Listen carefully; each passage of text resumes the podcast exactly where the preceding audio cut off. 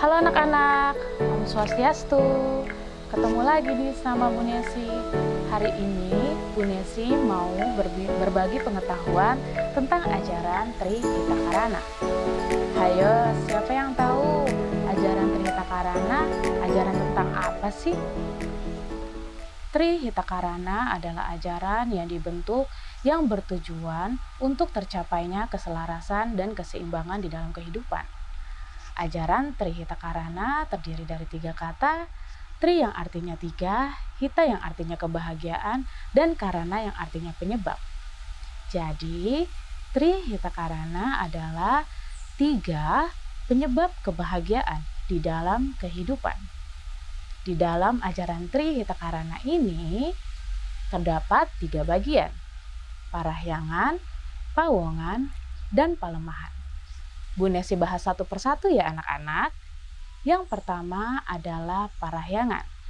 Parahyangan berasal dari kata yang, yang artinya adalah Tuhan. Parahyangan berarti adalah hubungan baik antara manusia dengan Tuhan.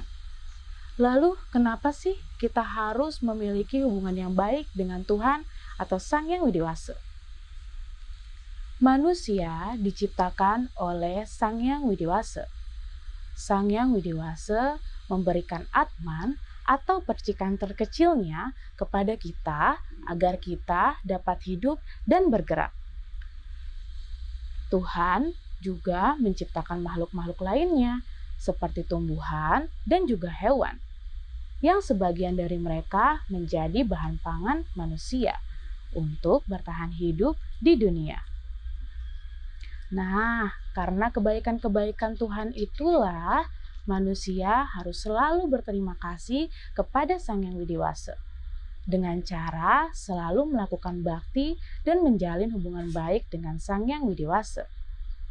Karena ketika kita sudah mampu melakukan bakti dan selalu ingat kepada Sang Yang Widiwasa, maka Sang Yang Widiwasa berjanji akan selalu memberikan apa yang kita butuhkan dan akan selalu melindungi apa yang kita miliki.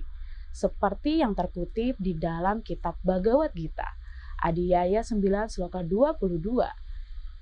Mereka yang mampu memusatkan pikirannya hanya kepadaku, dan mereka yang senantiasa kesadaran baktinya kepadaku, akan kubawakan semua yang mereka butuhkan dan akan kulindungi apa pun yang mereka miliki. Nah, di dalam kehidupan sehari-hari, penerapan yang bisa kita lakukan sebagai cerminan bakti kepada Sang Yang Widi dapat kita lakukan dengan cara bersembahyang setiap hari, berdana punia, membersihkan tempat suci, dan juga selalu menghormati orang-orang suci yang berada di tempat suci yang kita temui. Yang kedua adalah pawongan Pawongan berasal dari kata wong yang artinya adalah manusia. Pawongan berarti hubungan baik antara manusia dengan manusia lainnya. Manusia sangat bergantung kepada manusia lainnya. Manusia tidak bisa terpisah dengan orang lain. Dari itu, kita harus memiliki hubungan yang baik dengan orang lain. Siapa yang pernah mendengar kata Wasudewa Kutumbakam. Kata ini artinya adalah kita semua bersaudara. Yang namanya saudara harus rukun. Karena dengan rukun, kita dapat hidup damai dan tentram. Hal yang bisa kita lakukan di dalam kehidupan sehari-hari untuk mencerminkan perilaku hubungan baik dengan manusia lainnya adalah menjaga perkataan, menghormati dan menghargai orang lain, dan selalu menjunjung tinggi toleransi atas segala perbedaan yang dimiliki. Yang ketiga adalah palemahan. Palemahan adalah hubungan yang baik antara manusia dengan alam sekitarnya. Manusia sangat bergantung kepada alam. Bahan pangan manusia berasal dari alam. Jadi, ketika kita dapat menjaga dan merawat alam dan lingkungan kita dengan baik, maka hidup kita akan tentram dan tenang. Coba kita pikirkan ketika kita tidak memiliki hubungan yang baik dengan lingkungan.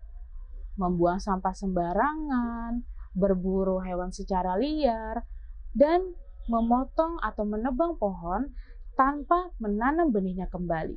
Apa yang terjadi? Pasti akan banyak bencana alam kan? Nah, dari itu, untuk ketenangan kita bersama, marilah kita jaga dan lestarikan lingkungan dan alam sekitar kita agar kita selalu hidup dengan tenang. Nah, anak-anak, ajaran Trihita Karana ini mengajarkan kita untuk selalu menjaga keseimbangan dunia dengan cara melakukan tiga hubungan baik yang pertama dengan Tuhan atau Sang Yang Widiwasa, yang kedua dengan sesama, dan yang ketiga adalah dengan lingkungan atau alam sekitar. Dengan demikian, kita dan makhluk hidup lainnya akan hidup secara tenang dan damai di dunia. Oke anak-anak, begitu saja penjelasan Miss Nesi tentang Tri Karana. Akhir kata, Gunisi tutup dengan para Santi. Om Santi Santi Santi Om.